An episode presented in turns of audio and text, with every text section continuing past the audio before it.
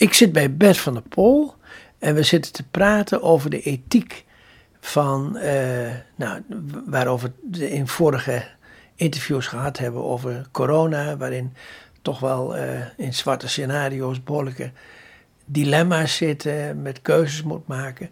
En we vroegen ons af van, hoe zit dat nou eigenlijk in de oogheelkunde? Zijn er ook van dat soort moeilijke beslissingen? Nou ja, in de oogheelkunde hebben we natuurlijk uh, niet zoveel te maken met leven en dood.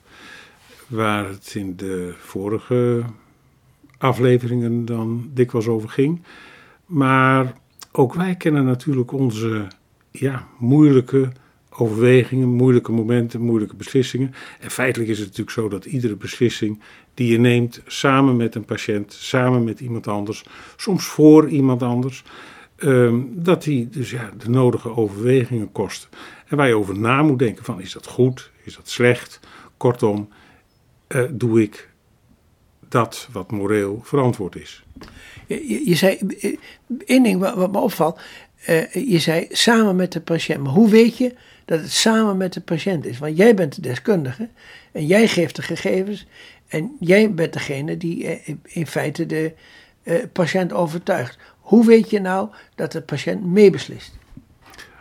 Overtuigen? Ik, kijk, ik denk dat iedere dokter de plicht heeft om te zorgen dat de patiënt een keus kan maken. Dus die, de, hij, of zij dient zijn of haar patiënt gewoon zodanig te informeren op een niveau dat de patiënt het aan kan, dat hij een goede keus, een goede overweging kan maken en een uiteindelijke beslissing kan nemen.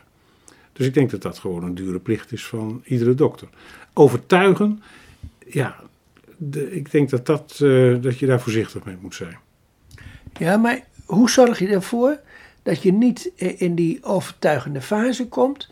Dat je namelijk die, die patiënt toch die keuze kunt maken. En hoe, hoe weet je dat die patiënt ook echt uh, uh, zelf ook keuzes kan maken? Ja, ik denk dat je nooit helemaal in het hoofd van een ander kunt kruipen, uh, Jos. Maar in het gesprek moet toch ja, op redelijke, redelijke manier erachter te komen zijn dat iemand een goede, een verantwoorde keus kan maken op een bepaald moment. En jij hebt de plicht om te zorgen dat de instrumenten die daarvoor nodig zijn, dat die patiënt die krijgt. Dus dat je informatie zodanig is dat er een goede keus, een weloverwogen keus gemaakt kan worden. Wordt hier wel aandacht aan besteed in de studie van, uh, van oogartsen?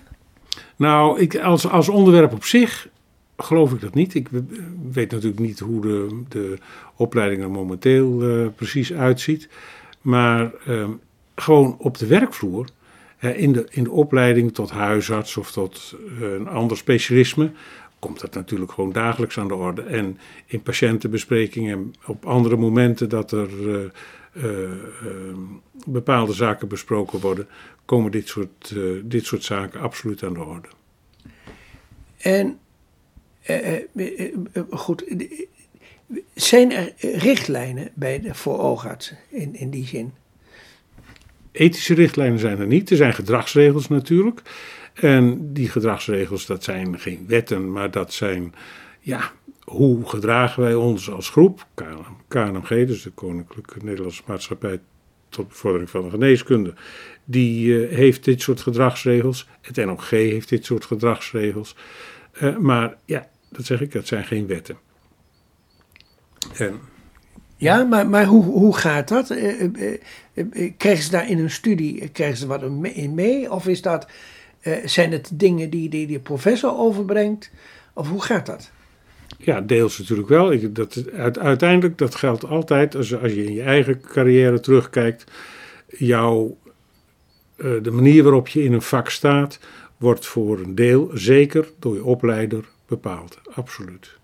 Want kijk, want de generatie, eh, in ieder geval de generatie voor jou, dat waren vaak hele autoritaire dokters. Die namelijk uh, uh, wel bepaalden wat goed was voor de patiënt.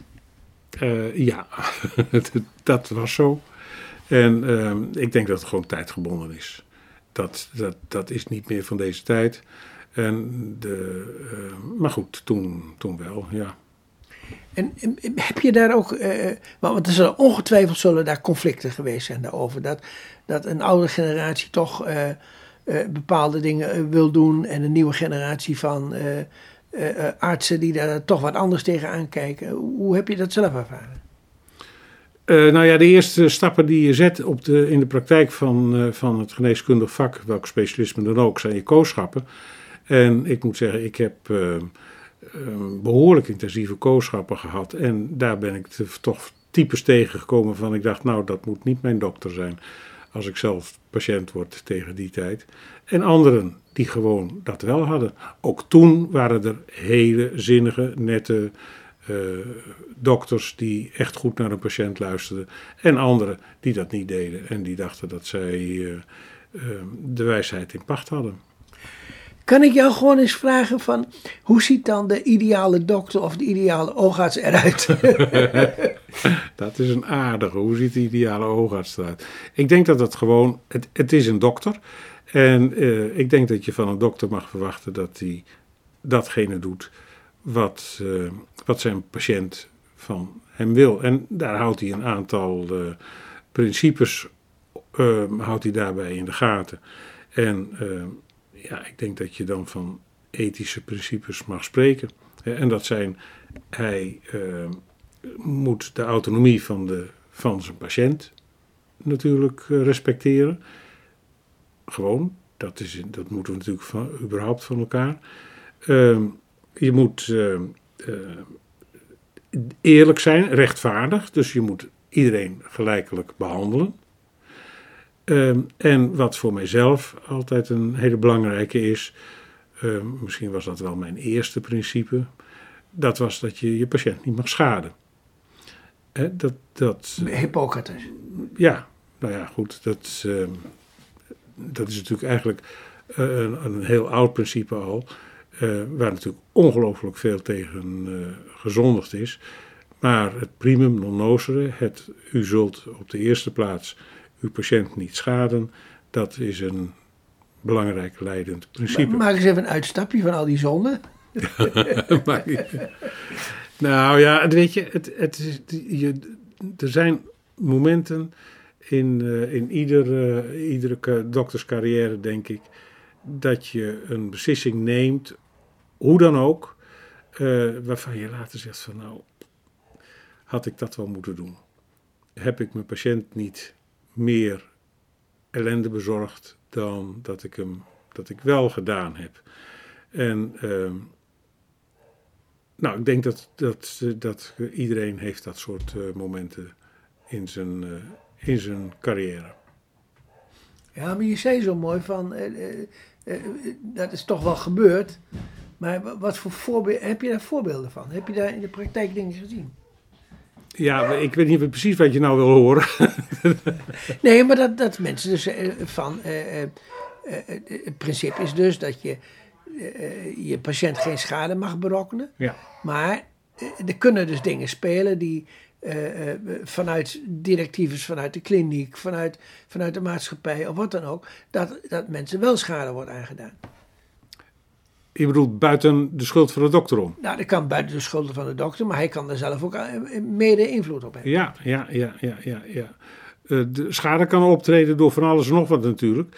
Eh, maar ik dacht dat we nu het vooral hadden over de schade die on- ontstaat doordat ik mij niet aan het primum non nocere principe gehouden heb. Hè, Ja. dus dat, dat, ja, dat, een voorbeeld daarvan, ja, dat is een, echt een hele lastige, George. Het enige wat, wat ik kan zeggen, dat ik ooit een keer iemand karakterologisch verkeerd ingeschat heb.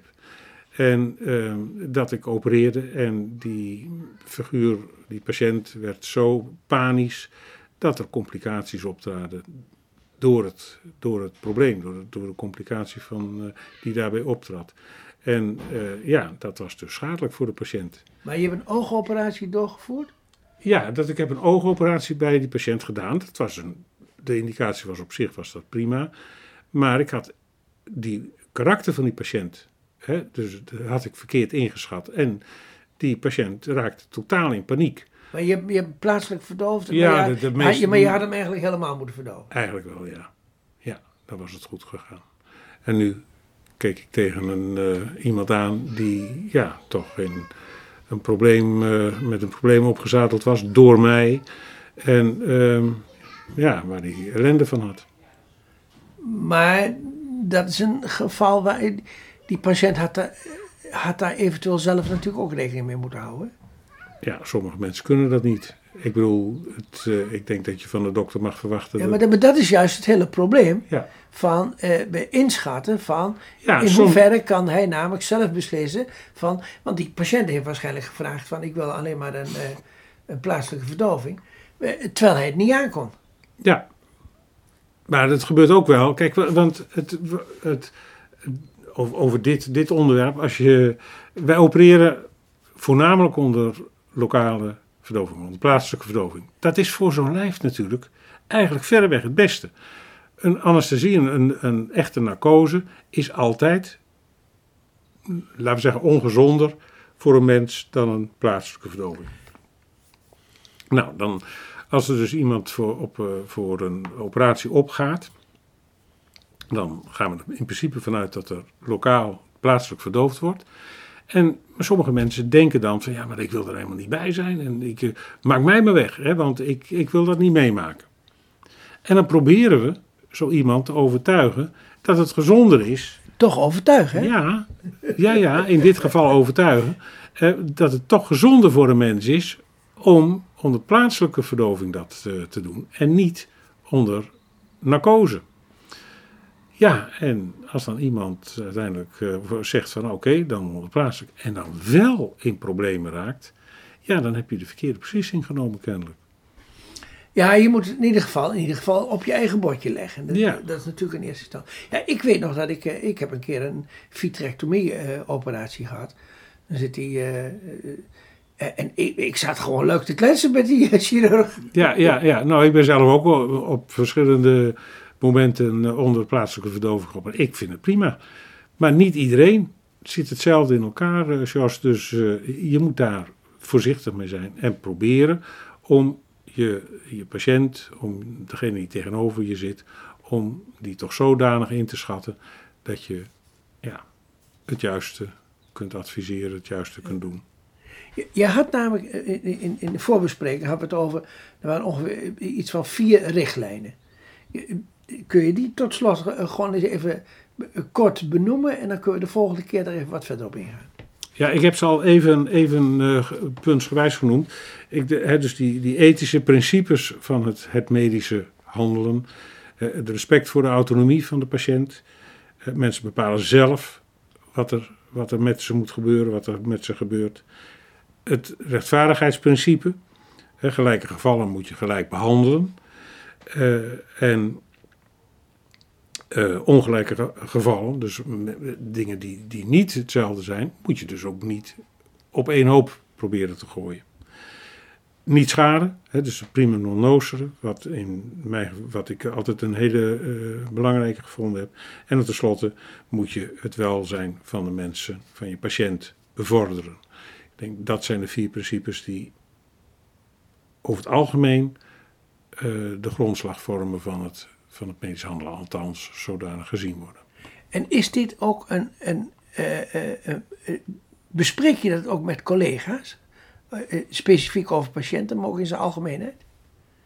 In zijn algemeenheid, nou dat zei ik van, er, er is voor niet, in de opleiding zit geen kopje, geen eh, vak ethiek. Nee, dat is, je kunt, er zijn wel dingen die je kunt volgen, maar voor zover ik weet hoor, hoe het op dit moment is, en het zal per faculteit ook verschillen. Er zijn natuurlijk op iedere faculteit zitten wel medische ethici, hè, dus die tot, eh, tot de faculteit geneeskunde behoren. Maar ehm, over de regulier collegeseries gegeven worden, medische ethiek, ik, dat weet ik niet. Maar de- ik neem aan dat het wel in de, in de wetenschappelijke eh, eh, klinieken, dat daar toch wel, eh, eh, naar aanleiding ook van patiënten, dat er toch wel discussies op gang eh, kunnen komen. Absoluut. Ja, dat is zeker het geval. Eh, en het, ehm, eh, dat, dat geldt eh, denk ik voor alle vakken. Voor, voor ons natuurlijk eh, net zo goed als voor ja, internisten, psychiaters, wie dan ook. Alleen je hebt namelijk eh, bij de oogheelkunde heb je in ieder geval het geluk dat je eh, eh, geen, niet die slechte berichten hoeft te brengen of het hoeft te verzwijgen dat iemand eh, op het einde loopt. Ja, weet je, ik, dat, dat is heel persoonlijk. Hè? Ik moet eerlijk zeggen, ehm, als ik nou zou moeten kiezen, wat, wat ik zelf zou, zou willen, ik zou geloof ik niet zo bang zijn om dood te gaan. Ik zou bang zijn om te lijden. Ja, dat is waar. Hè? En het, ehm, ik, ik vraag me af, iemand eh, zegt van dat hij het eind van zijn leven nadert, op het moment dat dat ook min of meer acceptabel is. Hè? Laten we daarvan uitgaan. Ik, dat zou, eh, ja, Ja, maar, maar het komt nooit uit.